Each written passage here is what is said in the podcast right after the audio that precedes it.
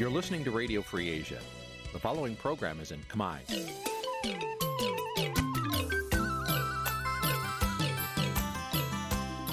នេះជាកម្មវិធីផ្សាយ Vuthu Azizi Serai នេះជាកម្មវិធីផ្សាយរបស់ Vuthu Azizi Serai ជាភាសាខ្មែរ Vuthu Azizi Serai សូមស្វាគមន៍លោកអ្នកនាងទាំងអស់ពីរដ្ឋធានី Washington នៃសហរដ្ឋអាមេរិក បាទពីរដ្ឋធានី Washington ខ្ញុំបាទជាចំណានសូមជម្រាបសួរលោកអ្នកនាងអ្នកស្ដាប់ Vuthu Azizi Serai ទាំងអស់ជាទីមេត្រីជាខ្ញុំសូមជូនការផ្សាយសម្រាប់ព្រឹកថ្ងៃអង្គារ5កើតខែអាសត់ឆ្នាំឆ្លូវត្រីស័កពុទ្ធសករាជ2565ដែលត្រូវនៅថ្ងៃទី11ខែតុលាគ្រិស្តសករាជ2021បាទជាដំបូងនេះសូមអញ្ជើញលោកអ្នកនាងស្ដាប់ព័ត៌មានប្រចាំថ្ងៃដែលមានមេត្តាដូចតទៅ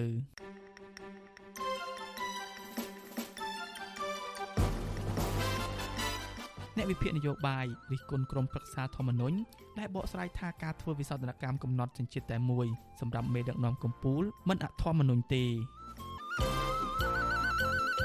សកម្មជនប្រៃឈើម្នាក់បារម្ភពីសុខភាពក្រោយពេលដែលលោកហ៊ុនសែនបញ្ជាឲ្យចាប់ខ្លួនអាញាធរថៃចាប់បញ្ជូនពលករខ្មែរជិត50នាក់ត្រឡប់ទៅកម្ពុជាវិញ ម្ដាយកុមារកសវណ្ណឆៃរំពឹងថាតុលាការក្រុងភ្នំពេញដោះលែងកូនប្រុសនៅថ្ងៃប្រកាសសាក្រមរួមនឹងព័ត៌មានមួយចំនួនទៀត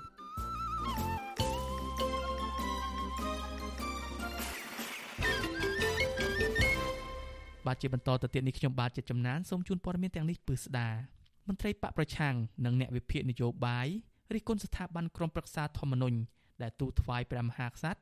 ថាសេចក្តីព្រៀងច្បាប់ធម្មនុញ្ញស្តីពីវិសោធនកម្មមេត្រាមួយចំនួនដើម្បីកំណត់សញ្ជាតិតែមួយសម្រាប់ថ្នាក់ដឹកនាំកម្ពុជាកម្ពុជាអាចធ្វើទៅបានពួកគាត់ចាត់ទុកថាទង្វើរបស់ស្ថាប័នក្រមប្រឹក្សាធម្មនុញ្ញដែលបើកដៃឲ្យកែរដ្ឋធម្មនុញ្ញជាថ្មីម្ដងទៀតនេះគឺជាការបំផ្លាញប្រព័ន្ធលទ្ធិប្រជាធិបតេយ្យព្រោះមិនស្របតាមស្មារតីនៃកិច្ចព្រមព្រៀងទីក្រុងប៉ារីសដែលផ្ទុយពីខ្លឹមសារដើមរបស់រដ្ឋធម្មនុញ្ញបាទលោកជីវិតារាយការណ៍ព័ត៌មាននេះ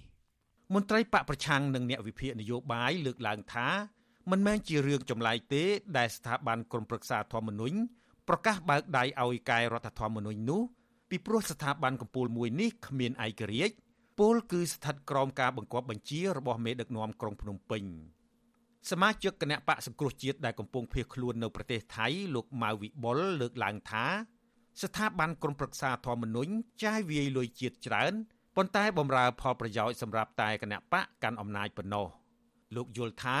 ប្រសិនបើក្រមប្រឹក្សាធម្មនុញ្ញជាស្ថាប័នឯករាជ្យនិងបម្រើផលប្រយោជន៍ជាតិមិនគួរធ្វើតាមបញ្ជារបស់លោកនាយករដ្ឋមន្ត្រីហ៊ុនសែននោះទេព្រោះការកែរដ្ឋធម្មនុញ្ញដើម្បីកំណត់សញ្ជាតិមួយសម្រាប់មេដឹកនាំកម្ពុជានេះគឺជារឿងឥតប្រយោជន៍មិនឆ្លោះបញ្ចាំងពីឆន្ទៈរាជនិងធ្វើឲ្យសង្គមខ្មែរបែកបាក់សមាជិកបកប្រឆាំងរូបនេះសង្កត់ធ្ងន់ថាសញ្ជាតិប៉ុន្មានមិនសំខាន់នោះទេឲ្យតែមានបេះដូងនិងមនសិកាបំរើរាជ លោកចោទថាមេដឹកនាំរបបក្រុងភ្នំពេញខ្លះមានសញ្ជាតិមួយ តែកំពុងបំរើបរទេសដូចជាវៀតណាមនិងចិន។ គឺរដ្ឋធម្មនុញ្ញនឹងចំណាយលុយច្រើនប៉ុន្តែប្រសិទ្ធភាពការងារដោយអត់មានទេតាមតែបញ្ជារបស់លោកហ៊ុនសែនហើយរាល់លើកទាំងអស់រាល់រាល់ការអនុម័តច្បាប់ទាំងអស់គឺតាមបញ្ជាហ៊ុនសែនទាំងអស់អត់មានគិតច្បាប់ត្រឹមត្រូវយុត្តិធម៌សម្រាប់ជួយពលរដ្ឋស្លូតត្រង់ត្រឹមត្រូវទៅតាមរដ្ឋធម្មនុញ្ញដែលចែងច្បាស់លាស់អន្តរជាតិនៅក្នុងនឹងដែរអត់មានទេអញ្ចឹងតាមតែប្រថាប់ត្រារបស់លោកហ៊ុនសែនហើយយើងមើលទៅទោះបីសញ្ជាតិមួយសញ្ជាតិពីរយ៉ាងម៉េចក៏ដោយបើបេះដូងគាត់មិនបំរើប្រជាពលរដ្ឋផងឥឡូវហ្នឹងមើលសញ្ជាតិមួយហ្នឹងបំរើបរទេសសេះចិនយួននឹងមកការលើកឡើងបែបនេះគឺបន្ទាប់ពីក្រមប្រឹក្សាធម្មនុញ្ញនៅថ្ងៃទី11ខែតុលា បានទូលថ្វាយព្រះមហាក្សត្រថាការស្នើសុំធ្វើវិសោធនកម្មមេត្រាមួយចំនួននៃរដ្ឋធម្មនុញ្ញដើម្បីកំណត់សញ្ជាតិតែមួយសម្រាប់ថ្នាក់ដឹកនាំកម្ពុជាកម្ពុជាអាចធ្វើទៅបានក្រមប្រឹក្សាធម្មនុញ្ញបញ្ជាក់នៅក្នុងសេចក្តីប្រកាសព័ត៌មានថាការធ្វើវិសោធនកម្មរដ្ឋធម្មនុញ្ញនេះ គឺស្របតាមបរិបទនៃសភាពការជាក់ស្ដែង និងពុំមានអ្វីប៉ះពាល់ដល់ប្រព័ន្ធប្រជាធិបតេយ្យសេរីពហុបកនិងរបបរាជានិយមអាស្រ័យដោយរដ្ឋធម្មនុញ្ញនោះទេ ការថ្វាយដល់ព្រះមហាក្សត្រនេះគឺធ្វើឡើងក្រោយពេលប្រធានក្រុមប្រឹក្សាធម្មនុញ្ញគឺលោកអឹមឈុនលឹមបានបើកកិច្ចប្រជុំពេញអង្គបន្ទាន់មួយនៅព្រឹកថ្ងៃទី11តុលាស្ថាប័នក្រុមប្រឹក្សាធម្មនុញ្ញនេះរងការរិះគន់ជាយូរមកហើយថាអសកម្ម និងពុំមានឯករាជ្យភាពដោយសារសមាជិកភាពភាគច្រើននៃក្រុមប្រឹក្សាធម្មនុញ្ញជាពិសេសប្រធានស្ថាប័នកម្ពុជានេះគឺជាមន្ត្រីរបស់គណៈបកប្រជាជនកម្ពុជា ដែលផ្ទុយពីប្រការ4នៃបទបញ្ជាផ្ទៃក្នុងរបស់ក្រមប្រឹក្សាធម្មនុញ្ញដែលចែងថាសមាជិកក្រុមប្រឹក្សាធម្មនុញ្ញមិនត្រូវកាន់កាប់តំណែងក្នុងគណៈបកនយោបាយណាមួយនោះឡើយជុំវិញរឿងនេះអ្នកវិភាគនយោបាយលោកកឹមសុខថ្លែងថា ទង្វើរបស់ក្រុមប្រឹក្សាធម្មនុញ្ញនេះ គឺជាការធ្វើតាមបញ្ជារបស់លោកហ៊ុនសែននិងជាការប្រមាថធ្ងន់ធ្ងរដល់អង្គព្រះមហាក្សត្របន្ថែមពីនេះលោកមើលឃើញថាទង្វើរបស់ស្ថាប័នគុណប្រឹក្សាធម្មនុញ្ញដែលបើកដៃឲ្យកែរដ្ឋធម្មនុញ្ញនេះក៏ជាការរួមចំណែកបំផ្លាញប្រជាធិបតេយ្យដែរដោយលោកអះអាងថាវាមិនស្របនឹងស្មារតីនៃកិច្ចព្រមព្រៀងសន្តិភាពទីក្រុងប៉ារីនិងផ្ទុយពីខ្លឹមសារដើមនៃរដ្ឋធម្មនុញ្ញឆ្នាំ1993ដែលនិយាយអំពីការបង្រួបបង្រួមជាតិ ផ្សះផ្សាជាតិដោយមិនប្រកាន់ខ្មែរមានសញ្ជាតិមួយឬពីរនោះទេ ប្រទេសជាតិស្ថិតនៅក្នុងគ្រាអាសន្នអាសន្នរឿងសម្លាប់ប្រជាធិបតេយ្យមិនផ្សះផ្សាបង្រួបបង្រួមជាតិដូច្នេះត្រូវគោរពរដ្ឋធម្មនុញ្ញស្មារតីដើម1993 24កញ្ញាដែលជាស្មារតីផ្សះផ្សាបង្រួបបង្រួមជាតិទើបជាការដោះស្រាយវិបត្តិនៅប្រទេសកម្ពុជារួចមកធ្វើច្បាប់មួយដែលបែងចែកខ្មែរសញ្ជាតិមួយខ្មែរសញ្ជាតិពីរមានន័យថាផ្ទុយពីខ្លឹមសារនៃការផ្សះផ្សាប្ររូបរួមជាតិដូច្នេះច្បាប់នេះបង្កវិបត្តិកាន់តែធំទៅវិញទេការយកច្បាប់នេះទៅទូលថ្វាយពន្យល់ព្រះមហាក្សត្រមើលឃើញថាមិនមែនជាការទូលថ្វាយពន្យល់ព្រះអង្គដោយទឹកចិត្តគោរពការៈចំពោះព្រះករុណាព្រះមហាក្សត្រទេប្រព្រឹត្តធម្មនុញ្ញបង្ហាញអរិយាប័ត្រនៃការប្រមាថនិងប្រមានព្រះករុណាព្រះមហាក្សត្រនិងរាជបល្ល័ង្កទៅវិញទេតាក់ទងនឹងរឿងនេះដែរគណៈបកប្រជាធិបតេយ្យមូលដ្ឋាន បានចេញសេចក្តីថ្លែងការណ៍មួយទៀតនៅថ្ងៃទី11តុលា ដោយមិនគាំទ្រការពិភាក្សារឿងសញ្ជាតិតែមួយនាពេលនេះទេ ហើយក៏មិនគាំទ្រការពិភាក្សារឿងនេះដោយភ្ជាប់ជាមួយអង្គព្រះមហាក្សត្រដែរគណៈបកប្រជាធិបតេយ្យមូលដ្ឋានអំពាវនាវឲ្យអ្នកដឹកនាំស្ថាប័នជាតិទាំងអស់ដូចជារដ្ឋាភិបាលរដ្ឋសភាព្រឹទ្ធសភានិងគណៈបកនយោបាយទាំងអស់ផ្ដោតលើការសហការគ្នាដោះស្រាយបញ្ហាកូវីដជាពិសេសផលប៉ះពាល់ផ្នែកសេដ្ឋកិច្ចការងារនិងបំណុលប្រជាពលរដ្ឋ គណៈបកមួយនេះបន្ថែមទៀតថាប្រទេសកម្ពុជា កំពុងត្រូវការផែនការមេយុទ្ធសាស្ត្រនិងថវិកាជាតិរួមមួយដើម្បីដោះស្រាយវិបត្តិ COVID-19 និងបើកប្រទេសឡើងវិញខ្ញុំជីវិតាអាស៊ីសេរីបាទលោកអ្នកនាងអ្នកស្ដាប់ជាទីមេត្រីអតីតសង្ឃដែលជាសកម្មជនប្រៃឈើម្នាក់បារម្ភពីសុខភាពខ្លាចត្រូវក្រុមលោកហ៊ុនសែនចាប់បញ្ជូនទៅប្រទេសកម្ពុជាវិញការព្រួយបារម្ភនេះ គណៈលោកហ៊ុនសែនបានបញ្ជាឲ្យចាប់ម្ចាស់ Facebook រញងព្រៃឡង់ដែលកំពុងភៀសខ្លួននៅប្រទេសថៃបានអ្នកស្រីសុជីវីរាយការណ៍ព័ត៌មាននេះម្ចាស់ Facebook ក្រញូងព្រៃឡង់លោកវឿនវាសនានៅតែរក្សាជំហរថាការលើកឡើងរបស់លោកគឺជាការរិះគន់ដើម្បីលាតត្រដាងការពិតនៃកំហុសខុសឆ្គងពីការដឹកនាំប្រទេសរបស់លោកហ៊ុនសែនលោកយល់ថាលោកហ៊ុនសែនគួរតែបើកចិត្តទូលាយស្ដាប់មតិរិះគន់អតីតព្រះសង្ឃសកម្មជនប្រៃឈើរូបនេះ នៅតែរក្សាជំហររិះគន់ការដឹកនាំប្រទេសរបស់លោកហ៊ុនសែនដដែលអារឿងបារម្ភពីសวัสดิភាពតែងតែបារម្ភហើយយើងនៅក្រោមមេឃហ្នឹងបើសិនថាមិនយកឆាត់ឬមួយក៏ជ្រកក្រោមផ្ទះណាមួយក៏វាភ្លៀងទឹកទឹកអញ្ចឹងឯងអញ្ចឹងវាបារម្ភវាតែងតែបារម្ភឯងបងប៉ុន្តែមិនដឹងថាធ្វើម៉េចបើរបបគេត្រូវការស៊ីសាច់ស្រស់ឈាមស្រស់អញ្ចឹងទៅហើយនោះ កាលពីថ្ងៃទី9ខែតុលាម្ចាស់ Facebook ក្រញូងព្រៃឡង់លោកវឿនវាសនា បានចូលទៅបញ្ចេញមតិឬ comment នៅលើ Facebook លោកហ៊ុនសែនដោយសរសេរកំណាព្យរិះគន់ថា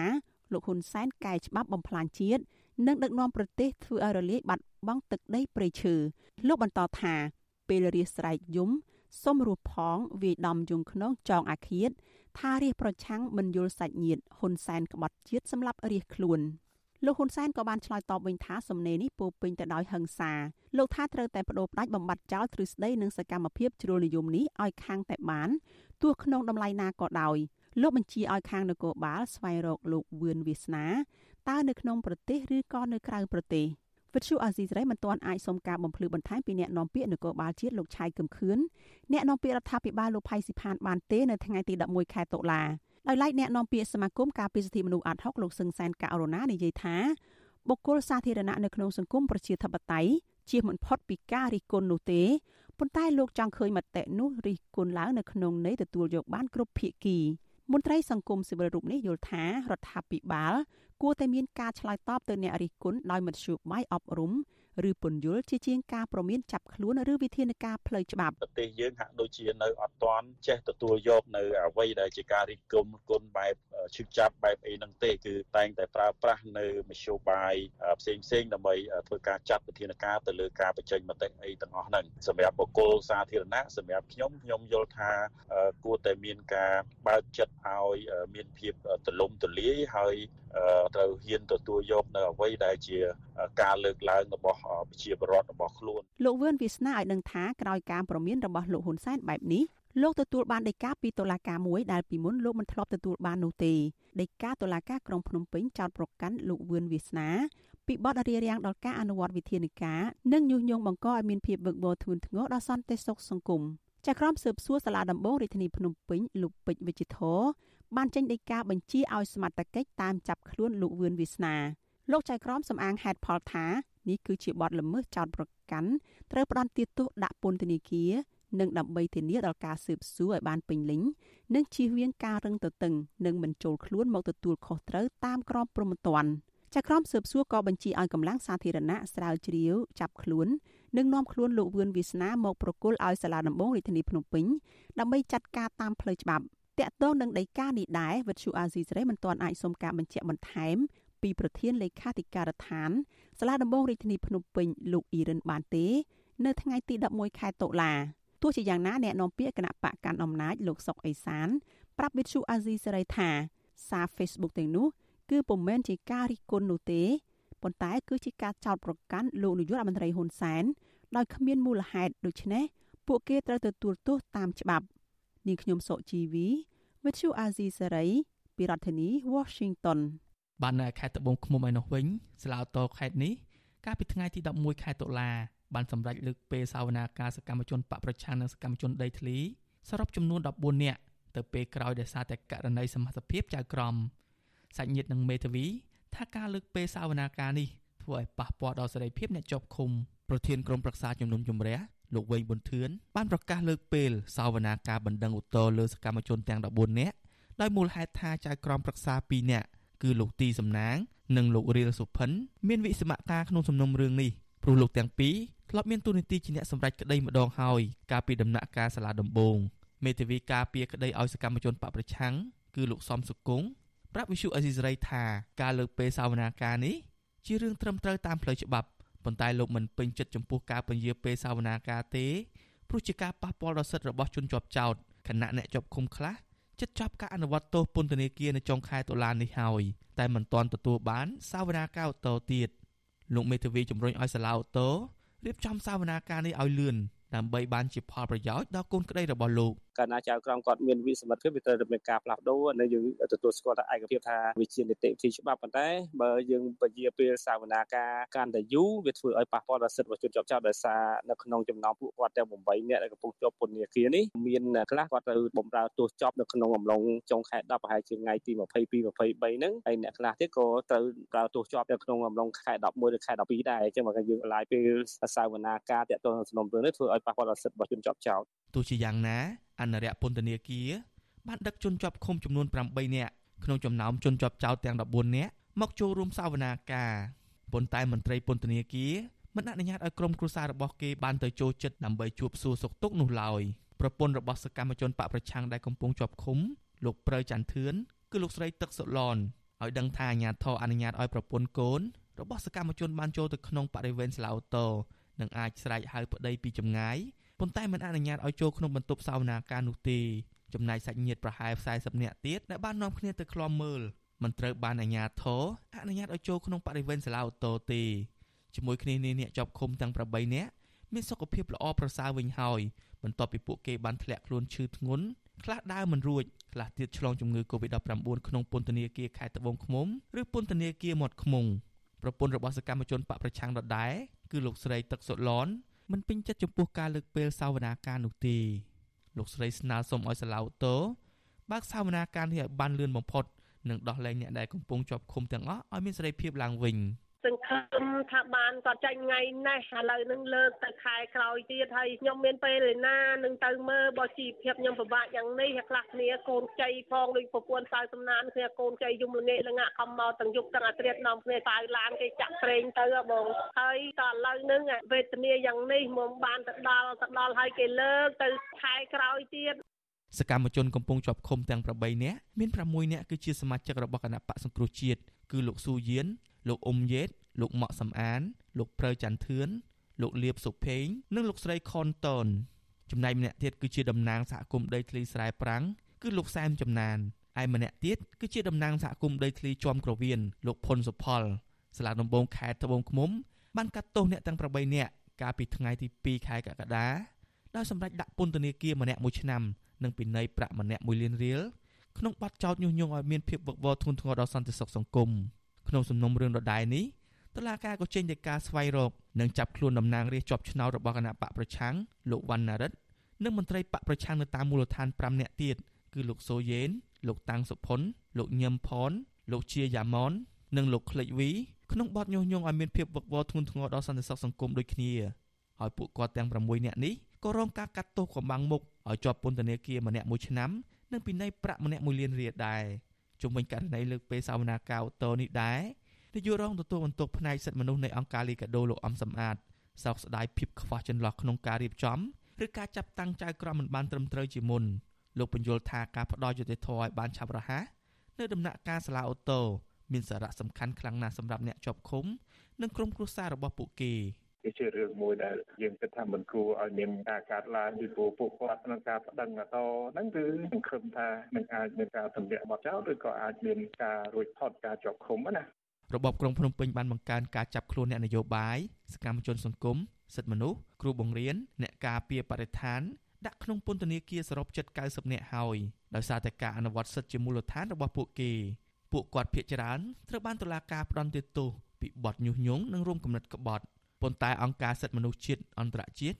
និងក្រុមអ្នកជំនាញសិទ្ធិមនុស្សរបស់អង្គការសហប្រជាជាតិហៅការបង្ក្រាបទាំងនេះថាជាអំពើរំលោភសិទ្ធិមនុស្សតំណាងស្ថាប័នលើកស្ទួយសិទ្ធិមនុស្សទាំងអស់នោះបានអំពាវនាវឲ្យរដ្ឋាភិបាលដោះលែងនិងត្រូវបញ្ឈប់ការធ្វើបាបទៅលើសកម្មជនទាំងអស់តាមគ្រប់រូបភាព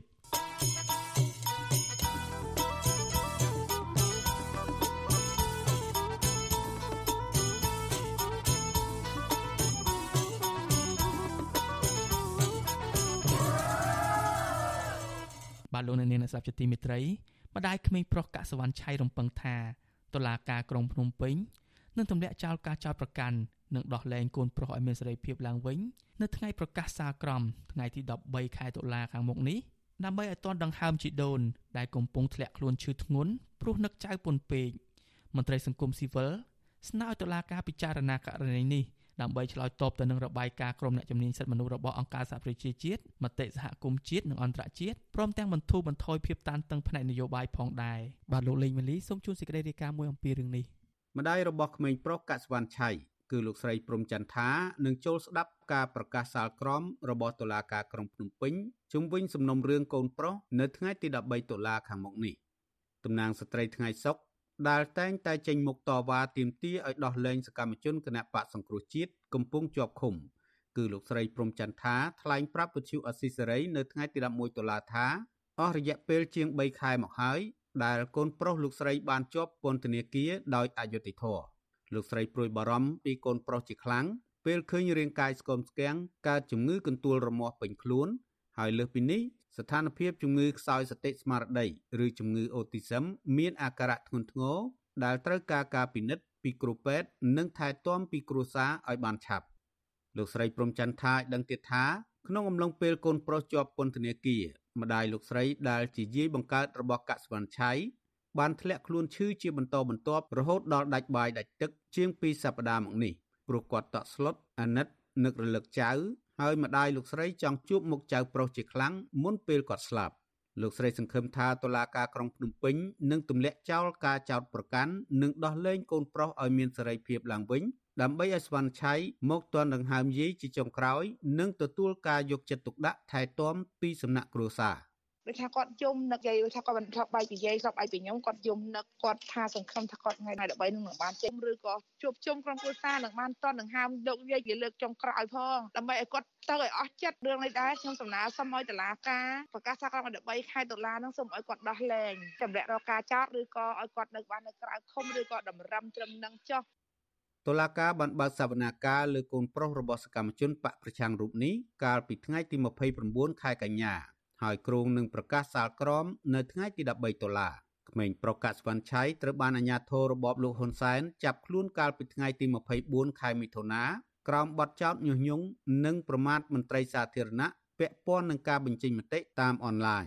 នៅមុនពេលចាប់ខ្លួនក្មេងប្រុសរូបនេះក៏ធ្លាប់ទទួលរងនឹងការវាយដំពីសំណាក់ជនមិនស្គាល់មុខ2នាក់បណ្ដាលឲ្យស្រាមឆ្អឹងលលាក្បាល ឪពុករបស់កុមាររូបនេះគឺលោកកកកំភាជាសមាជិកគណៈបកសង្គ្រោះជាតិបច្ចុប្បន្នក៏កំពុងជាប់ពន្ធនាគារតាំងពីខែមិថុនាឆ្នាំ2020មកដោយរងការចោទប្រកាន់ពីបទផ្ដាំគំនិតក្នុងអំពើប្រមាថនិងញុះញង់ឲ្យប្រព្រឹត្តបទអក្រិតជាអាតរាយម្ដាយរបស់កុមារារូបនេះជាសកម្មជនក្រមស្ត្រីថ្ងៃសុខគឺលោកស្រីព្រំច័ន្ទថា ក៏តែងទទួលរងនឹងការវាយដំពីកងសន្តិសុខក្នុងអំឡុងពេលដែលលោកស្រីតវ៉ាដោយសន្តិវិធីទាមទារឲ្យដោះលែងប្តីនិងកូនរួមទាំងសកម្មជនជាប់ឃុំដទៃទៀតកុមារកសវណ្ណឆៃមានជំងឺខ្សោយបញ្ញាស្មារតីឬអូទីសឹមពីកំណើតវិទ្យុអស៊ីសេរីមិនអាចតាក់ទងแนะនាំពាក្យតុលាការក្រុងភ្នំពេញលោកអ៊ីរិនដើម្បីសុំការឆ្លើយតបជុំវិញរឿងនេះបានទេនៅថ្ងៃទី11តុលាដោយសារទូរស័ព្ទហៅចូលតែពុំមានអ្នកទទួល កម្ពុជាបានផ្ដល់សច្ចាប័នកាលពីឆ្នាំ1992លើអនុសញ្ញាស្តីពីសិទ្ធិកុមារដែលចែងថាការចាប់ខ្លួននិងការឃុំខ្លួនកុមារគួរតែត្រូវបានប្រើជាជំរើសចុងក្រោយ និងសម្រាប់រយៈពេលខ្លីបំផុតជុំវិញរឿងនេះប្រធានសមាគមការពារសិទ្ធិមនុស្សអាតហុកលោកនីសុខាមានប្រសាសន៍ថាកន្លងមកសង្គមស៊ីវិលសោកស្ដាយចំពោះអាញាធរដែលបានចាប់និងឃុំខ្លួនកុមារកសវណ្ណឆៃដាក់ពន្ធនាគារ ទាំងក្មេងប្រុសរូបនេះជាអនិច្ចជន មានជំងឺអូទីសឹមពីកំណើតមន្ត្រីសង្គមស៊ីវិលរូបនេះមិនសង្ឃឹមថាតុលាការទម្លាក់ចោលការចោទប្រកាន់ឬដោះលែងកូនប្រុសសកម្មជនបកប្រឆាំងរូបនេះទេប្រសិនបើស្ថានភាពនយោបាយមិនទាន់ប្រសើរឡើងវិញនោះទោះជាយ៉ាងនេះក្តីលោកស្នើឲ្យតុលាការពិចារណាករណីនេះដើម្បីឆ្លើយតបទៅនឹងក្តីកង្វល់របស់អង្គការសិទ្ធិមនុស្សជាតិនិងអន្តរជាតិ ដើម្បីឆ្លើយតបទៅនឹងរបាយការណ៍របស់អ្នកនាយការពិសេសដែលបានលើកឡើងក៏ដូចជាដើម្បីឆ្លើយតបទៅនឹងអ្វីដែលជាការស្នើសុំកន្លងមករបស់អង្គការសង្គមស៊ីវិលក៏ដូចជាអង្គការអន្តរជាតិក៏ដូចជាអ្នកការទូតផ្សេងផ្សេងនេះខ្ញុំគិតថាគួរតែធ្វើការពិចារណាក្នុងការដោះលែងកុមារកសវណ្ណឆៃយើងគិតថាឲ្យคลายទៅជាសេចក្តីផ្ដើមមួយនៃការចាប់ផ្ដើមនៃការបន្ធូរបន្ថយបរិយាកាសនយោបាយនៅពេលដែល តឡាការសម្រាប់ពេលខាងមុខនោះកាលពីពេលថ្មីថ្មីនេះក្រុមមន្ត្រីជំនាញសិទ្ធិមនុស្សអង្គការសហប្រជាជាតិចំនួន4រូបក្នុងនោះរួមមានអ្នករាយការណ៍ពិសេសអង្គការសហប្រជាជាតិស្ដីពីសិទ្ធិមនុស្សនៅកម្ពុជា លោកវិទិតមុនតាបននិងអ្នករាយការណ៍ពិសេសស្ដីពីការលើកកម្ពស់និងការពារសិទ្ធិសេរីភាពក្នុងការបញ្ចេញមតិនិងទស្សនៈអ្នកស្រីអៃរិនខាន់បានអំពាវនាវឲ្យដោះលែងកុមារកសវណ្ណឆៃ ក្រុមអ្នកជំនាញសិទ្ធិមនុស្សទាំងនេះព្រួយបារម្ភជាខ្លាំងចំពោះការឃុំខ្លួនក្មេងប្រុសរូបនេះដែលជាអនិច្ចជនអាយុ17ឆ្នាំនិងកើតជំងឺអូទីសឹមហើយពួកគេក៏មានការព្រួយបារម្ភជាខ្លាំងផងដែរដែលកុមាររូបនេះត្រូវបានអាជ្ញាធរចាប់ខ្លួនដោយគ្មានដីកាសួរចម្លើយដោយគ្មានវត្តមានមេធាវីឬអាណាព្យាបាលរបស់គាត់ពួកគេថាការប្រព្រឹត្តដោយអាជ្ញាធរកម្ពុជាមកលើកុមាររូបនេះ គឺជាការរំលោភច្បាប់ស្តីពីយុត្តិធម៌អនិច្ចជនកម្ពុជា និងបទដ្ឋានសិទ្ធិមនុស្សអន្តរជាតិលើពីនេះក្រុមអ្នកជំនាញសិទ្ធិមនុស្សរបស់អង្គការសហប្រជាជាតិក៏អំពាវនាវឲ្យរដ្ឋាភិបាលកម្ពុជាធានាថាសិទ្ធិមនុស្សរបស់កុមាររូបនេះត្រូវបានការពារស្របតាមគោលការណ៍ឧត្តមផលប្រយោជន៍របស់កុមារដោយអនុលោមតាមអនុសញ្ញាស្តីពីសិទ្ធិកុមារអនុសញ្ញាស្តីពីសិទ្ធិជនពិការ និងច្បាប់កម្ពុជា។ ខ្ញុំបាទលេងម៉ាលីវិទ្យុអស៊ីសេរីរាយការណ៍ពីរដ្ឋធានី Washington បាទលោកនាងជាទីមេត្រីប្រជាកសិករខេត្តបាត់ដំបងស្នើឲ្យអភិបាលខេត្តថ្មីគ្រប់គ្រងធនធានទឹកឲ្យបានច្បាស់លាស់ដើម្បីស្រោចស្រពកសិកម្មរបស់ពួកគាត់ឲ្យទទួលបានទិន្នផលខ្ពស់ពួកគាត់មើលឃើញថាអភិបាលខេត្តមុនមុនបានមើលរំលងក្តីកង្វល់របស់ពលរដ្ឋដោយគ្រប់គ្រងប្រព័ន្ធធារាសាស្ត្រមិនបានល្អក្នុងទំនប់កំពីងពួយ និងទំនប់សំណង់ធារាសាស្ត្រកង្ហត់ធ្វើឲ្យស្រូវរបស់អ្នកស្រុកបាណន់រាប់ម៉ឺនហិកតាត្រូវខូចខាតដោយសារតែជន់លិចទឹកនៅរដូវវស្សានិងខ្វះទឹកស្រោចស្រពនៅរដូវប្រាំងជារៀងរាល់ឆ្នាំបាទលោកអ្នកនាងនឹងបានស្ដាប់ព័ត៌មានលម្អិតអំពីរឿងនេះនៅពេលបន្តិចទៀតនេះ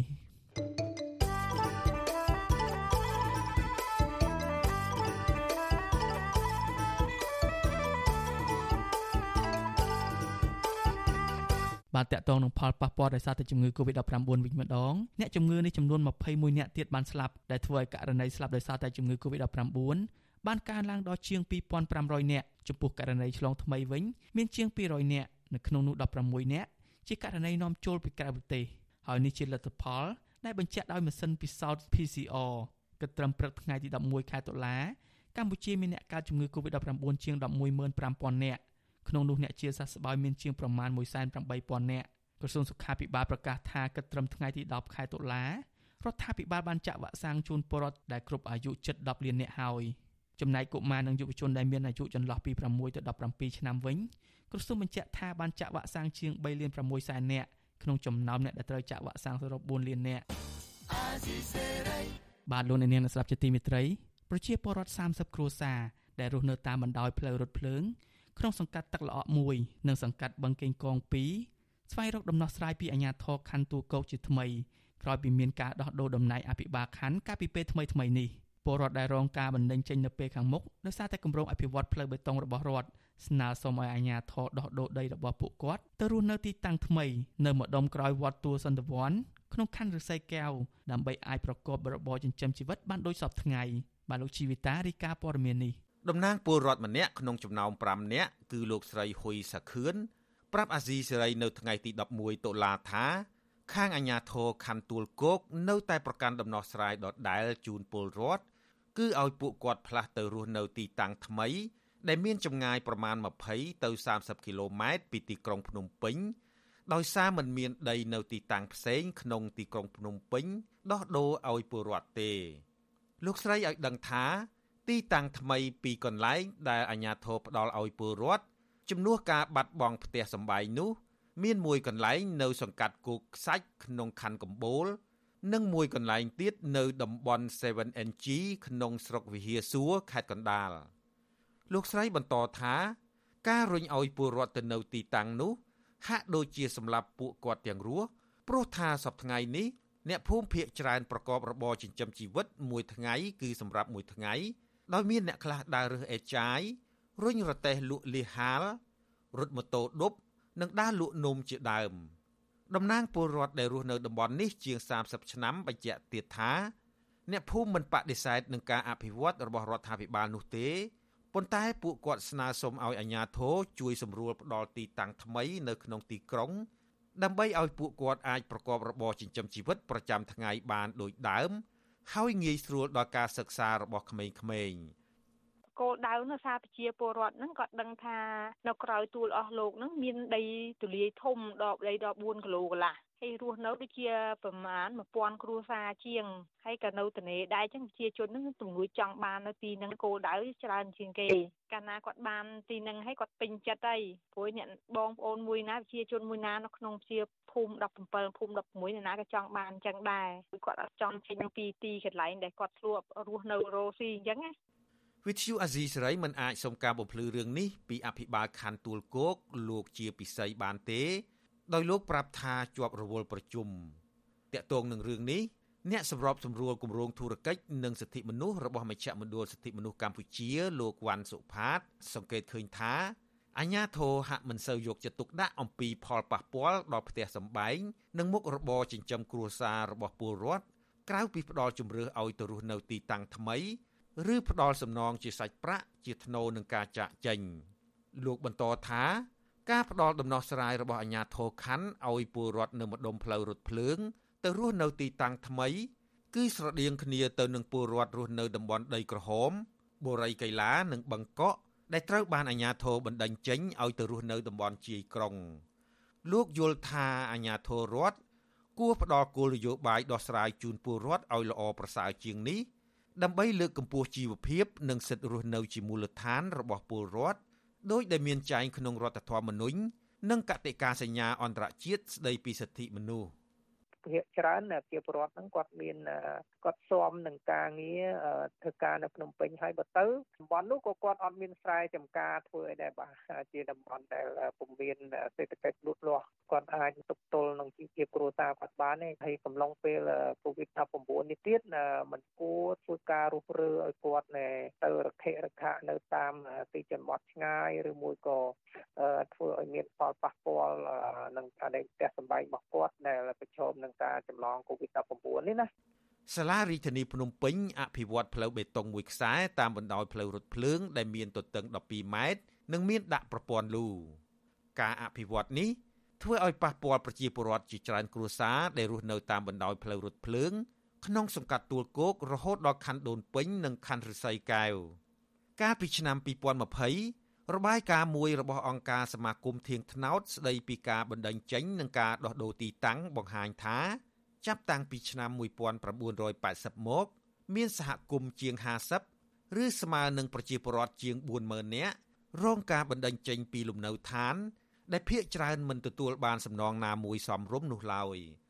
អង្គការសង្គមស៊ីវិលដែលឃ្លាំមើលសិទ្ធិមនុស្សនិងសិទ្ធិលំនៅឋាន ស្នើរដ្ឋាភិបាលឲ្យធ្វើការអភិវឌ្ឍដោយឈលលើគោលការណ៍គោរពសិទ្ធិមនុស្សដោយមានចែងក្នុងច្បាប់ជាតិនិងច្បាប់អន្តរជាតិហើយផ្ដល់ដំណោះស្រាយប្រកបដោយតម្លាភាពយុត្តិធម៌និងសំណងដែលអាចទទួលយកបានដល់ប្រជាពលរដ្ឋដែលរងការប៉ះពាល់ពីការអភិវឌ្ឍនោះខ្ញុំជីវិតាអាស៊ីសេរី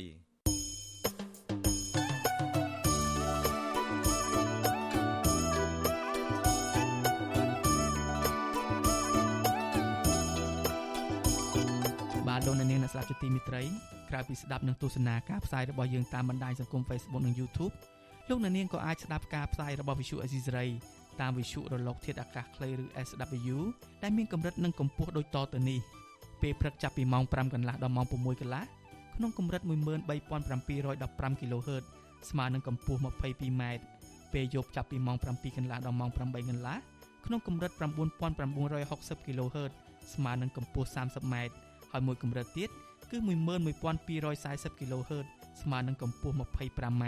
បាទសូមអរគុណ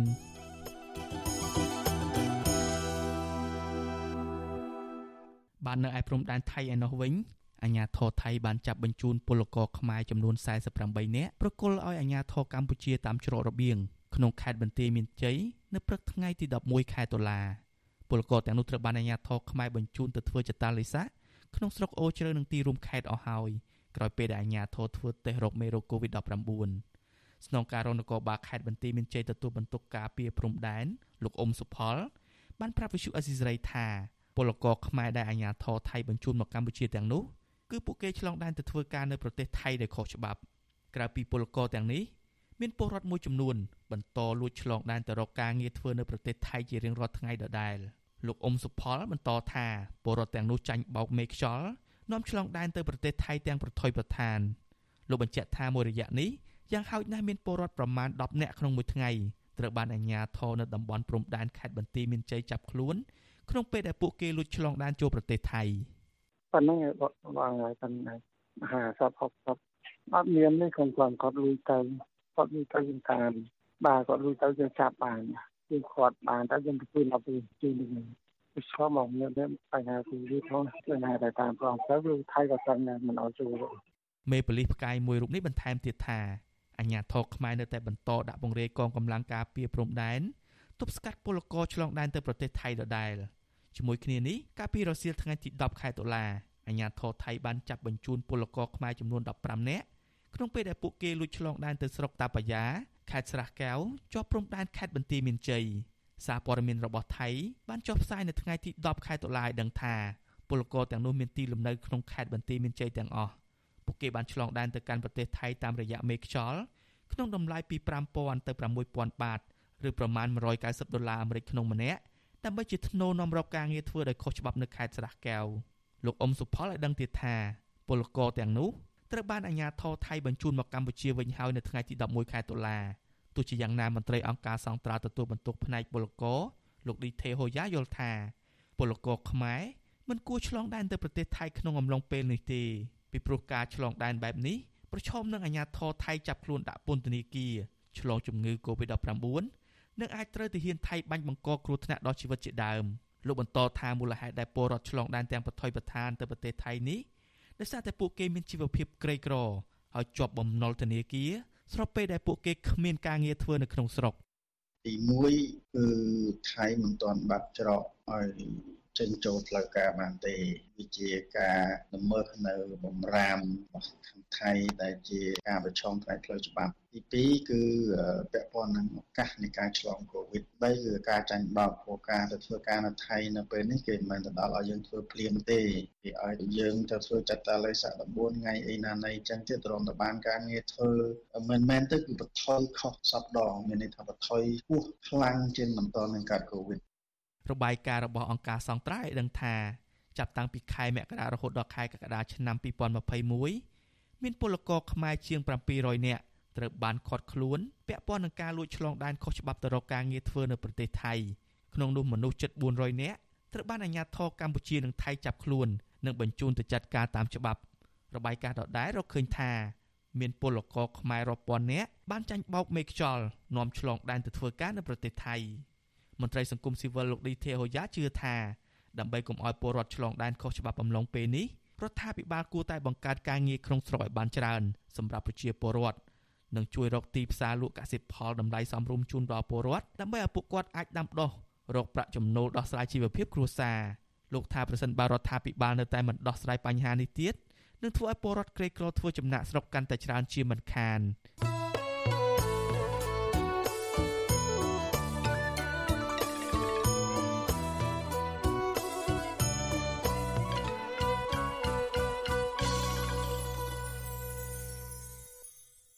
បាទលោកអ្នកនាងជាទីមេត្រីសាច់ញាតិបរិះដែលស្លាប់នៅពេលដែលប៉ូលីសឃុំខ្លួនដើម្បីសួរចម្លើយនៅនគរបាលស្រុកសង្កែខេត្តបាត់ដំបងកាលពីដើមខែមេសា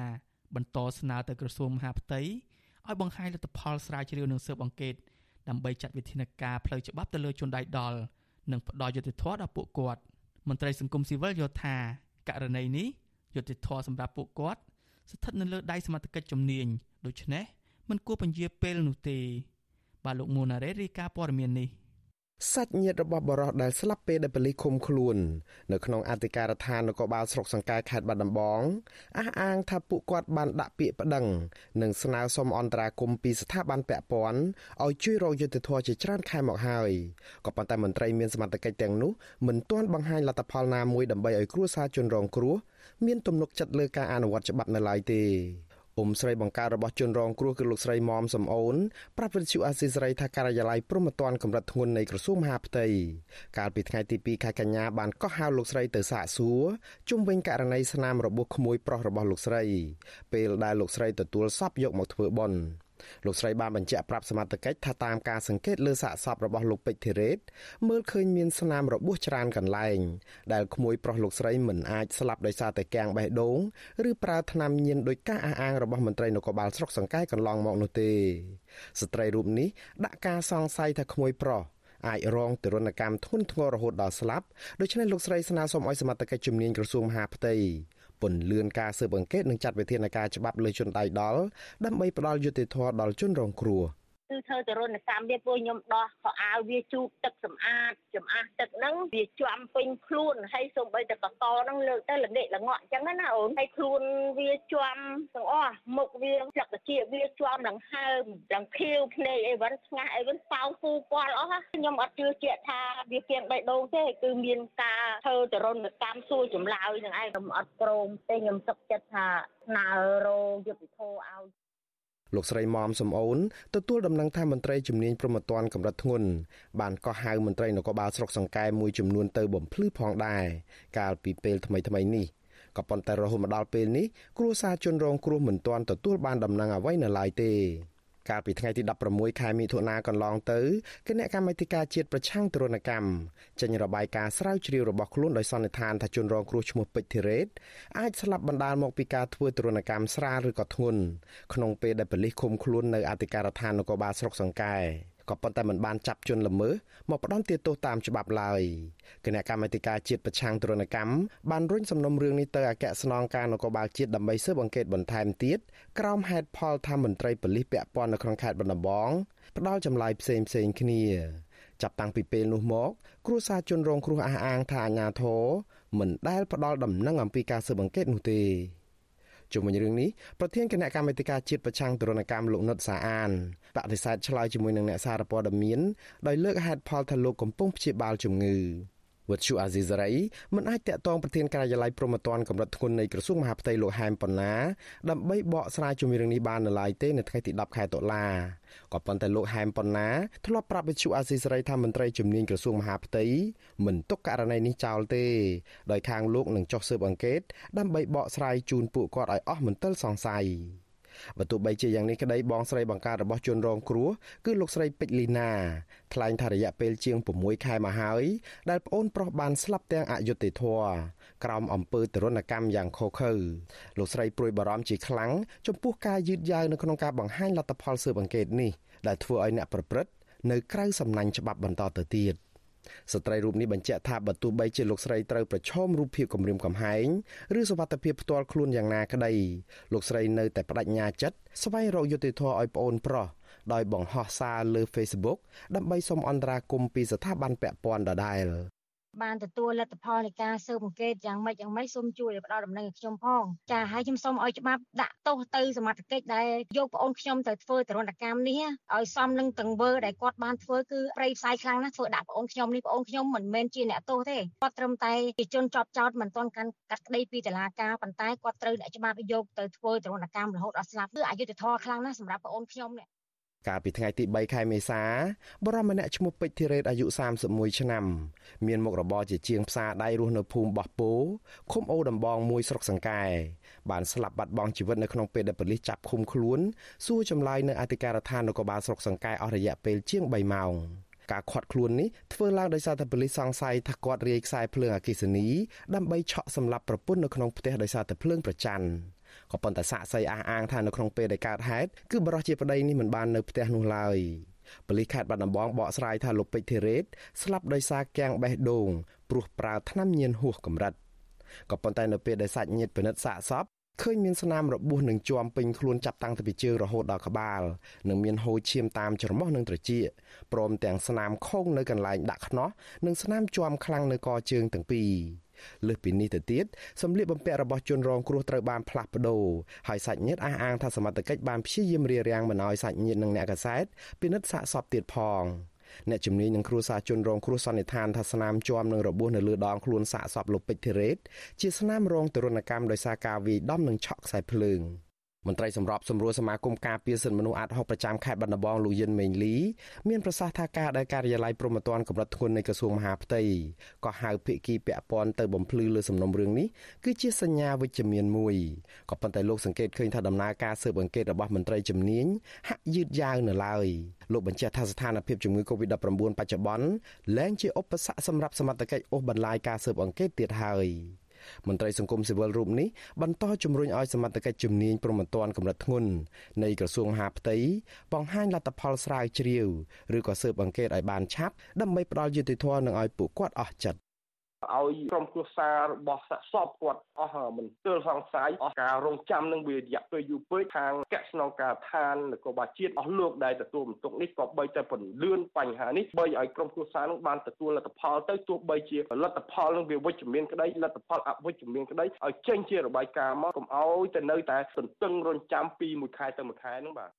ករណីមន្ត្រីនគរបាលរងការចោទប្រកាន់ថាធ្វើទរណកម្មលើជនសង្ស័យនៅក្នុងពេលដែលចាប់ឃុំខ្លួនឬក៏ពេលសួរចម្លើយដែលបណ្ដាលឲ្យរងរបួសធ្ងន់ធ្ងរនិងស្លាប់នេះតែងតែកើតមានជាហូរហែ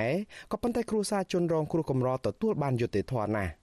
មន្ត្រីអង្គការសង្គមស៊ីវិលនិងប្រជាពលរដ្ឋបារម្ភថាករណីទរណកម្មលើជនសង្ស័យបែបនេះនឹងនៅតែកើតមានបន្តទៀតប្រសិនបើការអនុវត្តច្បាប់ពុំមានប្រសិទ្ធភាពដោយទុកឲ្យជនដៃដល់មានសេរីភាពរស់នៅក្រៅសំណាញ់ច្បាប់ ខ្ញុំបាទមុងណារ៉េត With you Assisary ពីរដ្ឋធានី Washington បាននៅខេត្តបាត់ដំបងឯណោះវិញប្រជាកសិករនៅក្នុងខេត្តនេះស្នើឲ្យអភិបាលខេត្តថ្មីគ្រប់គ្រងធនធានទឹកឲ្យបានច្បាស់លាស់ដើម្បីស្រោចស្រពកសិផលរបស់ពួកគាត់ឲ្យបានទទួលទិន្នផលខ្ពស់ពួកគាត់មើលឃើញថាអភិបាលខេត្តមុនមុនបានមើលរំលងពីក្តីកង្វល់របស់ពលរដ្ឋដោយគ្រប់គ្រងប្រព័ន្ធធារាសាស្ត្រមិនបានល្អក្នុងទំនប់កំពីងពួយនិងទំនប់សំណង់ធារាសាស្ត្រកង្ហត់ដែលធ្វើឲ្យស្រូវរបស់អ្នកស្រុកបាននន់រាប់ម៉ឺនហិកតា ត្រូវខូចខាតដោយសារតែជន់លិចទឹកនៅរដូវវស្សានិងខ្វះទឹកស្រោចស្រពនៅរដូវប្រាំងជារៀងរាល់ឆ្នាំបានអ្នកស្រីសុជីវីរាយការណ៍អំពីរឿងនេះពលរដ្ឋនៅខេត្តបាត់ដំបងថ្នាក់ថ្នាក់ចិត្តតាក់ទិននឹងការគ្រប់គ្រងប្រព័ន្ធធារាសាស្ត្ររបស់អាជ្ញាធរខេត្តនេះខ្វះចន្លោះច្រើននិងខ្វះបច្ចេកទេសធ្វើឲ្យស្រូវកសិកម្មរបស់អ្នកស្រុកបាណន់រាប់ម៉ឺនហិកតា រងការខូចខាតនៅរយៈពេល8ឆ្នាំជាប់ជាប់គ្នា ទាំងស្រូវប្រាំងនិងស្រូវវស្សា ដោយសារតែការបើកទ្វារបង្ហូរទឹកមិនទៀងទាត់និងគ្មានការជូនដំណឹងជាមុនឲ្យបានទូលំទូលាយមុនពេលបើកបង្ហូរទឹកពលរដ្ឋរស់នៅភូមិតាក្រៀមឃុំតាក្រៀមស្រុកបាណន់លោកជឿនបញ្ហាប្រាប់វិទ្យុអាស៊ីសេរីកាលពីថ្ងៃទី11ខែតុលាថាអញ្ញាធរស្ថាបនាប្រព័ន្ធប្រឡាយទឹកភ្ជាប់ពីទំនប់កំពីងពួយដោយមានទ្វារទឹកយ៉ាងត្រឹមត្រូវប៉ុន្តែការគ្រប់គ្រងធនធានទឹកវិញ គឺគ្មានប្រសិទ្ធភាពនោះទេ ជាច្រើនឆ្នាំមកហើយ លោកថានៅរដូវប្រាំងគ្មានការបើកបង្ហូរទឹកជាទៀងទាត់ទេធ្វើឲ្យស្រូវប្រាំងជាច្រើនពាន់ហិកតារបស់ប្រជាពលរដ្ឋនៅក្នុងឃុំចំនួន5នៃស្រុកបាណន់ប្រឈមការខូចខាតរីឯនៅរដូវវស្សាវិញបែរជាគេបើកបង្ហូរទឹកហូរហៀបណ្ដាលឲ្យលិចស្រូវកសិកម្មរបស់ពលរដ្ឋរាប់ម៉ឺនហិកតានៅក្នុងស្រុកបាណន់នេះបើសិនជាទឹក ប្រសានេះទឹកច្រើនគេបើកហើយគេបើកចេញពីអាងកពីងពួយមកអាហ្នឹងលិចនៅណាលិចហ្នឹងគេមិនខ្វល់អញ្ចឹងពេលខ្លះដែលយើងត្រូវការទឹកហ្នឹងទៅដូចប្រាំងមិញហ្នឹងប៉ះពាល់ច្រើនទាំងអស់ទៅគ្នាហ្នឹងយើងភ្ជួរត្រាក់ទ័រជួលគេផងពូជីក៏ថ្លៃកម្លាំងពលកម្មផ្សេងផ្សេងហ្នឹងរស់គោយន្តរស់អីព្រោះអីហ្នឹងចូលស្រូវមានណាបានទេនៅខ្លះក៏ចោលទៅជាបរដ្ឋបើកម្ដងម្ដងសិតតតវ៉ាលើគ្នាទៅបានគេបើកឲ្យ ពលរដ្ឋដដែលបន្ថែមថាបញ្ហានេះកើតមានដដែលដដែលជិត10ឆ្នាំមកហើយដែលអាជ្ញាធរបានមើលរំលងធ្វើឲ្យពលរដ្ឋខកចិត្តយ៉ាងខ្លាំងនិងចង់ឲ្យអភិបាលខេត្តថ្មីដោះស្រាយបញ្ហានេះឲ្យមានប្រសិទ្ធភាពលោកថាពលរដ្ឋរាប់ពាន់គ្រួសារនៅក្នុងស្រុកបាណន់នៃខ្សែទឹកខាងក្រោមរបស់អាងកំពីងពួយដែលត្រូវការទឹកស្រោចស្រពស្រូវកសិកម្មបែរជាមិនបានដោយបំណងនោះទេដោយសារអាជ្ញាធរមិនបានសហការគ្នាល្អក្នុងការបើកបង្ហូរទ្វារទឹក ឲ្យបានគ្រប់គ្រាន់តាមស្តង់ដារបច្ចេកទេសកសិកម្មពលរដ្ឋម្នាក់ទៀតរស់នៅឃុំកន្ទឺ2ស្រុកបាណន់គឺលោកជួនវុធីខកចិត្តចំពោះចំណាត់ការរបស់អាជ្ញាធរលោកថាបើត្រូវបើកបង្ហូរទឹកគឺអាជ្ញាធរបើករហូតលេខស្រូវរបស់កសិករប៉ុន្តែប្រសិនបើបិទទ្វារទឹកវិញគឺបិទរហូតដល់ដីស្រែរីងស្ងួតហួតហែងធ្វើឲ្យស្រូវងាប់រៀងរាល់ឆ្នាំលោកសង្កេតឃើញថាចាប់តាំងពីអាញាធរនិងក្រុមហ៊ុនចិនស្ថាបនាប្រឡាយទឹកចាប់ពីឃុំកន្ទឺ2ឆ្លងកាត់ភ្នំសំពៅ រហូតដល់ឃុំតាក្រៀមបណ្ដាលឲ្យស្រូវកសិកម្មរបស់ពលរដ្ឋយ៉ាងហោចណាស់ជាង20000ហិកតាត្រូវជន់លិចជារៀងរាល់ឆ្នាំប៉ះពាល់ជីវភាពពលរដ្ឋធ្ងន់ធ្ងរលោកបញ្ជាក់ទៀតថាមុនពេលមិនទាន់មានប្រឡាយទឹកនៅតំបន់នោះស្រូវស្រែរបស់អ្នកភូមិមិនដែលជន់លិចដូច្នោះទេពលគឺពួកគាត់ធ្វើកសិកម្មបែបប្រពៃណីប្រវាស់មេឃទទួលបានទិន្នផលខ្ពស់ បានតែខែភាសាទៀតខែភាសាហ្នឹងអាគ្នាមានត្រាច់ក្នុងត្រែមានត្រាច់ហើយបើខែមកលិចអត់នេះប្រហែលឆ្នាំអាចបងហើយការងារអត់វាអត់មានទៅពឹងពាក់ទៅលើត្រែមួយមុខចឹងទៅឥឡូវដោតទៅលើអារឿងបន្លាយចិត្តហ្នឹងខែប្រាំងគេអត់ឲ្យទេគេថាទឹកគេខ្វះខាតដល់ក្រៅពីបញ្ហាទឹកនេះប្រជាកសិករនៅខេត្តបាត់ដំបងក៏ត្អូញត្អែរឿងផលិតផលកសិកម្មមានដូចជាស្រូវនិងដំឡូងមីជាដើម តែងតែប្រឈមបញ្ហាខ្វះទីផ្សារឬលក់បានតម្លៃទាបដែលធ្វើឲ្យកសិករខាត់បងប្រាក់ឬជំពាក់ធនាគារនិងចុងក្រោយសម្រាប់ចិត្តចំណាក់ស្រុកទៅក្រៅប្រទេសបើទោះបីជាប្រជាកសិករស្នើសុំបែបនេះក៏ពួកគាត់មួយចំនួនហាក់មិនសូវមានសង្ឃឹមទៅលើអភិបាលខេត្តថ្មីដែរព្រោះការផ្លាស់ប្ដូរអភិបាលខេត្តអាចគ្រាន់តែធ្វើឲ្យល្អមើលនិងចែកផលប្រយោជន៍គ្នាតែប៉ុណ្ណោះ។ ការលើកឡើងនេះគឺបន្ទាប់ពីរដ្ឋមន្ត្រីក្រសួងមហាផ្ទៃលោកសខេងកាលពីថ្ងៃទី10ខែតុលាបានធ្វើជាអធិបតីប្រកាសតំណែងលោកសុកលូជាអភិបាលខេត្តបាត់ដំបងថ្មីជំនួសលោកងួនរតនាក្នុងពេលប្រកាសមុខតំណែងលោកសុកលូជាអភិបាលខេត្តបាត់ដំបងថ្មីលោកបានបដិញ្ញាចិត្តថានឹងប្រឹងប្រែងពង្រីកសេវាសង្គមនិងកែលម្អហេដ្ឋារចនាសម្ព័ន្ធសាធារណៈស្រោចស្រពស្រូវកសិកម្មស្របតាមការអភិវឌ្ឍមូលដ្ឋានប្រកបដោយសមធម៌ និងចីរភាពដើម្បីចូលរួមកាត់បន្ថយភាពក្រីក្ររដ្ឋមន្ត្រីក្រសួងមហាផ្ទៃលោកសខេងបានណែនាំឲ្យអភិបាលខេត្តបាត់ដំបងដែលទើបតែងតាំងថ្មីដោះស្រាយបញ្ហាប្រឈមរបស់ពលរដ្ឋដោយត្រូវទទួលយកសំណុំពរនិងក្តីកង្វល់ទាំងឡាយរបស់ពលរដ្ឋទៅដោះស្រាយឲ្យមានប្រសិទ្ធភាពខ្ពស់ប្រជាពលរដ្ឋដែលគាត់មានសំណូមពរពិតត្រង់ដើម្បីឲ្យយើងជួយយើងក្នុងឋានៈជាអាជ្ញាធរ ជាមន្ត្រីដែលធ្វើការជូនជាតិជូនប្រជាពលរដ្ឋអញ្ចឹងយើងត្រូវតែហ៊ានប្រឡូកនឹងបញ្ហាទាំងអស់នោះដើម្បីយកមកដោះស្រាយជុំវិញរឿងនេះមន្ត្រីសម្របសម្រួលសមាគមការពារសិទ្ធិមនុស្សអាត់ហុកប្រចាំខេត្តបាត់ដំបងលោកយិនមេងលីយល់ថាសំណើរបស់ប្រជាកសិករនេះអភិបាលខេត្តថ្មី និងអាជ្ញាធរពាក់ព័ន្ធគួរតែពិនិត្យឡើងវិញគឺធ្វើយ៉ាងណារកឲ្យឃើញមូលហេតុពិតប្រាកដដើម្បីដោះស្រាយឲ្យមានប្រសិទ្ធភាពយូរអង្វែងលោកបន្ថែមថា អាជ្ញាធរត្រូវប្រជុំគ្នាដោះស្រាយរឿងនេះដោយដាក់ចេញនូវគោលនយោបាយមួយឲ្យបានច្បាស់លាស់រវាងអាជ្ញាធរខេត្តដើម្បីដោះស្រាយបញ្ហាប្រឈមរបស់ពលរដ្ឋឲ្យជ្រះស្រឡះជៀសវាងកុំឲ្យបញ្ហានេះកើតមានដដែលដដែលក៏នៅពេលដែលមានការដោះដូរគឺតែងតែមានការបដិញ្ញាចិត្តដែរតែក្រោយមកធ្វើអត់បានជាចំណុចសំខាន់អញ្ចឹងខ្ញុំខ្ញុំក៏មិនទាន់ហ៊ានវាយតម្លៃចំពោះអេដាមអាបាខេត្តថ្មីដែរ តែក៏ខ្ញុំហាក់បីដូចជាមានសង្ឃឹមដែរថាប្រហែលជានឹងមានអ្វីថ្មីសម្រាប់ទឹកដីខេត្តបាត់ដំបងក៏ដូចជាប្រជាកសិករខេត្តបាត់ដំបងដែរបាទអាងកំពីងពួយក្នុងស្រុកបាណន់ត្រូវបានសាងសង់ដោយកម្លាំងពលរដ្ឋតាមផែនការរបស់ខ្មែរក្រហមនៅអំឡុងឆ្នាំ1976ដល់ឆ្នាំ1977អាងនេះអាចស្តុកទឹកបានជាអតិបរមាបាន110លានម៉ែត្រគូបនិងបានស្រោចស្រពដល់ដំណាំកសិកម្មនៅក្នុងខេត្តនេះទាំងរដូវប្រាំងនិងរដូវវស្សា ប៉ុន្តែរយៈពេលជិត10ឆ្នាំចុងក្រោយនេះអាជ្ញាធរនិងក្រុមហ៊ុនឯកជនរបស់ចិនបានកសាងទ្វារទឹកនិងប្រព័ន្ធប្រឡាយទឹកគ្រប់គ្រងធនធានទឹកជូនកសិករនៅតំបន់នោះរីឯទំនប់កង្ហតក៏ត្រូវបានសាងសង់ឡើងនៅក្នុងសម័យខ្មែរក្រហមគឺត្រូវបានស្ថាបនាដើម្បីទប់ទឹកដងស្ទឹងសង្កែ នៅចំណុចកង្ហតក្នុងឃុំកន្ទឺ2ស្រុកបាណន់ប៉ុន្តែរដ្ឋាភិបាលនិងក្រុមហ៊ុនចិនបានស្ថាបនាប្រព័ន្ធធារាសាស្ត្រនេះជាថ្មីទៀតដើម្បីទាញយកទឹកសម្រាប់ផ្ដល់ទៅឲ្យប្រជាពលរដ្ឋនៅក្នុងខេត្តបាត់ដំបងមួយចំនួនប្រើប្រាស់នេះខ្ញុំសុជីវីវិទ្យុអាស៊ីសេរីពីរដ្ឋធានី Washington បាទលោកអ្នកនាងអ្នកស្ដាប់ជាទីមេត្រីមន្ត្រីបកប្រឆាំងនិងមន្ត្រីសិទ្ធិមនុស្សលើកឡើងស្របគ្នាថាការអួតអាងពីវឌ្ឍនភាពសិទ្ធិមនុស្សរបស់តំណាងរដ្ឋាភិបាលប្រចាំនៅអង្គការសហប្រជាជាតិ មិនឆ្លុះបញ្ចាំងពីការពិតនិងកាន់តែធ្វើឲ្យកម្ពុជារងសម្ពាធពីសហគមន៍អន្តរជាតិបន្ថែមទៀតការលើកឡើងបែបនេះគឺបន្ទាប់ពីតំណាងរដ្ឋាភិបាលបានចេញសេចក្តីថ្លែងការណ៍ថាតំណាងប្រទេសមួយចំនួនបានទទួលស្គាល់នូវកិច្ចខិតខំប្រឹងប្រែងនិងវឌ្ឍនភាពសិទ្ធិមនុស្សនៅកម្ពុជាខុសពីរបាយការណ៍របស់អ្នករាយការណ៍ពិសេសអង្គការសហប្រជាជាតិបានអ្នកស្រីខែសំណងរាយការណ៍លម្អិតអំពីរឿងនេះ មន្ត្រីគណៈបកសង្គ្រោះជាតិនិងមន្ត្រីសិទ្ធិមនុស្សលើកឡើងថា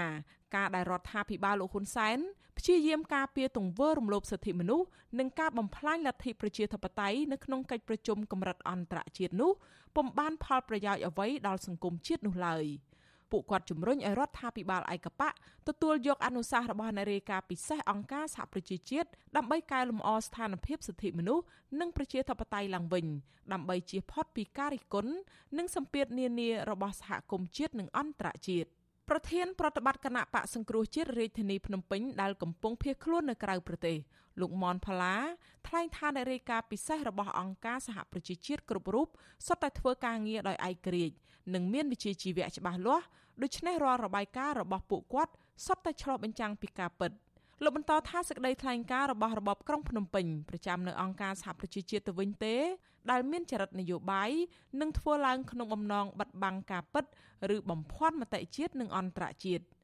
ទោះជាយ៉ាងណាមន្ត្រីគណៈបកប្រឆាំងរូបនេះយល់ថាការលើកឡើងរបស់តំណាងរបបក្រុងភ្នំពេញនេះនឹងមិនអាចធ្វើឲ្យសហគមន៍ជាតិនិងអន្តរជាតិជឿជាក់នោះទេហើយថែមទាំងធ្វើឲ្យកម្ពុជាទទួលរងនឹងការរិះគន់និងការដាក់សម្ពាធនានាបន្ថែមទៀត។ សហភាពអឺរ៉ុបគឺគេអត់បន្ធូរដៃទេគេនឹងបន្តដាក់ទណ្ឌកម្មបន្ថែមទៀតទៅលើរបបក្រុងភ្នំពេញហើយជាពិសេសសហរដ្ឋអាមេរិកមួយថ្មីនេះកំពុងតែអនុម័តច្បាប់ HR 4648តាក់ទងទៅនឹងជាបតៃនៅកម្ពុជាហើយកំពុងតែជំរុញទៅឲ្យព្រឹទ្ធសភាសហរដ្ឋអាមេរិកអនុម័តច្បាប់នេះឲ្យបានឆាប់បំផុតដូច្នេះហើយបើគ្មានការស្ដារលទ្ធិជាបតៃឡើងវិញនៅកម្ពុជាបើគ្មានគណៈបកសង្គ្រោះជាតិចូលរួមនៅក្នុងដំណើរការនៃការបោះឆ្នោតនៅពេលខាងមុខទេគឺសហគមន៍អន្តរជាតិនឹងដាក់ទណ្ឌកម្មរឹតតែធ្ងន់ធ្ងរថែមជាងមុនទៅទៀតហើយធ្វើឲ្យវិបត្តិសេដ្ឋកិច្ចកាន់តែដុនដាបទៅប្រជាពលរដ្ឋខ្មែរនឹងរងទុក្ខវេទនាតាមរយៈការមិនយកចិត្តទុកដាក់របស់អត្រាដឹកនាំនៃរបបក្រុងភ្នំពេញបច្ចុប្បន្នបាទទន្ទឹមគ្នានេះអ្នកនាំពាក្យសមាគមការពារសិទ្ធិមនុស្សអាត់ហុកលោកសឹងសែនករណា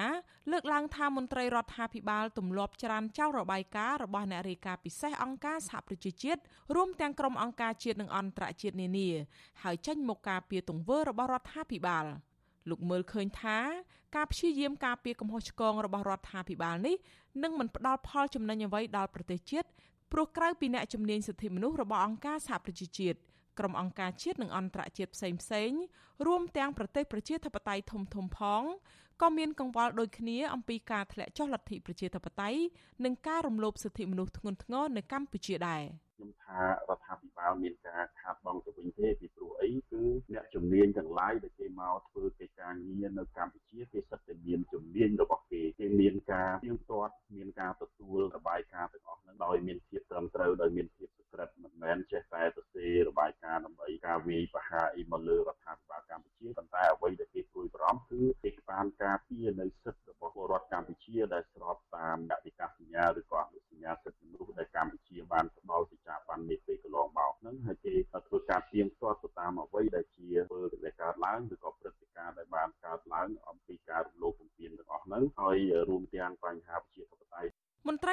បកប្រឆាំងនិងមន្ត្រីសង្គមស៊ីវិលបញ្ចេញប្រតិកម្មបែបនេះក្រោយពេលតំណាងអចិន្ត្រៃយ៍កម្ពុជាប្រចាំអង្គការសហប្រជាជាតិនិងអង្គការអន្តរជាតិនានានៅទីក្រុងហ្សឺណែវប្រទេសស្វីសលោកអានសុខឿនបានចេញសេចក្តីថ្លែងការណ៍កាលពីថ្ងៃទី8ខែតុលាថា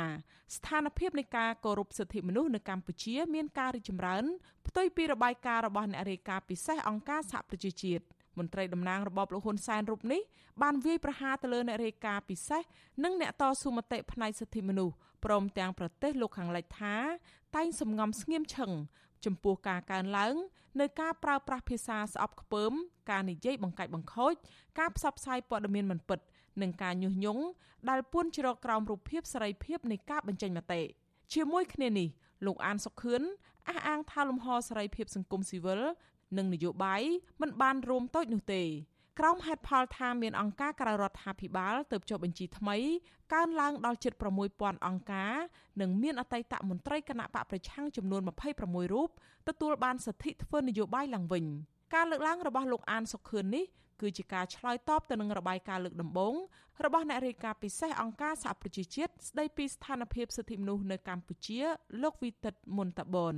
ដែលលោកបានបង្ហាញអំពីការធ្លាក់ចុះនៃលំហប្រជាធិបតេយ្យសិទ្ធិពលរដ្ឋនិងសិទ្ធិនយោបាយព្រមទាំងបញ្ហាមួយចំនួនទៀតទាក់ទងនឹងសិទ្ធិសេដ្ឋកិច្ចសង្គមនិងវប្បធម៌បញ្ហាដីធ្លី និងបរិស្ថាន សង្គមស៊ីវិលកិច្ចពិគ្រោះយោបល់និងកិច្ចសហប្រតិបត្តិការជាដើមអ្នករាយការណ៍ពិសេសរូបនេះបានធ្វើបទបង្ហាញអំពីរបាយការណ៍នេះក្នុងសម័យប្រជុំលើកទី48នៃក្រុមប្រឹក្សាសិទ្ធិមនុស្សអង្គការសហប្រជាជាតិកាលពីថ្ងៃទី6ខែតុលា អ្នកខ្លំមើលស្ថានភាពកម្ពុជាវិយតម្លៃថាស្ថានភាពលទ្ធិប្រជាធិបតេយ្យនិងសិទ្ធិមនុស្សកំពុងតែធ្លាក់ចុះដុនដាបខ្លាំងបំផុតដោយសារតែរបបលោកហ៊ុនសែននៅតែបន្តយុទ្ធនាការធ្វើទុកបុកម្នេញលើសមាជិកគណៈបកប្រឆាំង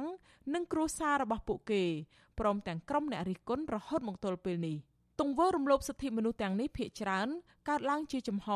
ដែលមិនអាចបិទបាំងបានឡើយជាឧទាហរណ៍ អាញាធររបបក្រុងភ្នំពេញបានតាមបង្ក្រាបប្រពន្ធកូនរបស់សកម្មជនគណៈបកប្រឆាំងរហូតដល់មុខការិយាល័យអង្គការសហប្រជាជាតិប្រចាំកម្ពុជា និងនៅតាមស្ថានទូតប្រទេសប្រជាធិបតេយ្យរាល់ពេលពួកគេជួបជុំដោយសន្តិវិធី ដើម្បីស្វែងរកយុត្តិធម៌និងទាមទារដោះលែងអ្នកជាប់ឃុំជុំវិញរឿងនេះ លោកសឹងសែនករណាថ្លែងថារដ្ឋាភិបាលគួរតែទទួលស្គាល់ការពិត និងខិតខំកែលម្អស្ថានភាពសិទ្ធិមនុស្សនិងប្រជាធិបតេយ្យតាមអនុសាសន៍របស់អ្នករាយការណ៍ពិសេសអង្គការសហប្រជាជាតិទើបមានផលប្រយោជន៍សម្រាប់សង្គមជាតិទាំងមូល។ការដែលចេញរបាយការណ៍របស់អ្នករាយការណ៍ពិសេសឬក៏អ្នកជំនាញអន្តរជាតិនានាមួយមួយគឺមានការទទួលស្គាល់ពីសហគមន៍អន្តរជាតិគេមានការជឿជាក់ទៅលើអ្នកទាំងអស់ហ្នឹងហើយការខាតបង់កន្លងមកគឺយើងឃើញហើយមានការដកប្រព័ន្ធអ នុគ្រោះពន្ធនិងការដាក់នៅសម្ពាធនានាពីសហគមន៍អន្តរជាតិគឺដោយសារតែយើងមិនទទួលយកនៅអ្វីដែលជាការរកឃើញទាំងអស់ហ្នឹងឯងអញ្ចឹងដើម្បីជៀសផុតអំពីបញ្ហាទាំងអស់ហ្នឹងក៏បីមានការពិនិត្យហើយនឹងមានការកែប្រែនៅវិទ្យាបទទាំងអស់ហ្នឹងដើម្បីធ្វើយ៉ាងណាឲ្យស្ថានភាពនៃប្រទេសកម្ពុជាយើងនោះមានសុខភាពកាន់តែល្អប្រសើរឡើង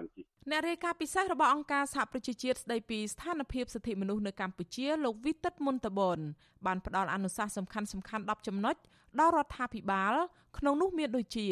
ការកែលម្អជាបន្ទាន់ចំពោះច្បាប់គោលនយោបាយនិងការអនុវត្តនានាដែលមានលក្ខណៈជាការរឹតបន្តឹងធ្ងន់ធ្ងរ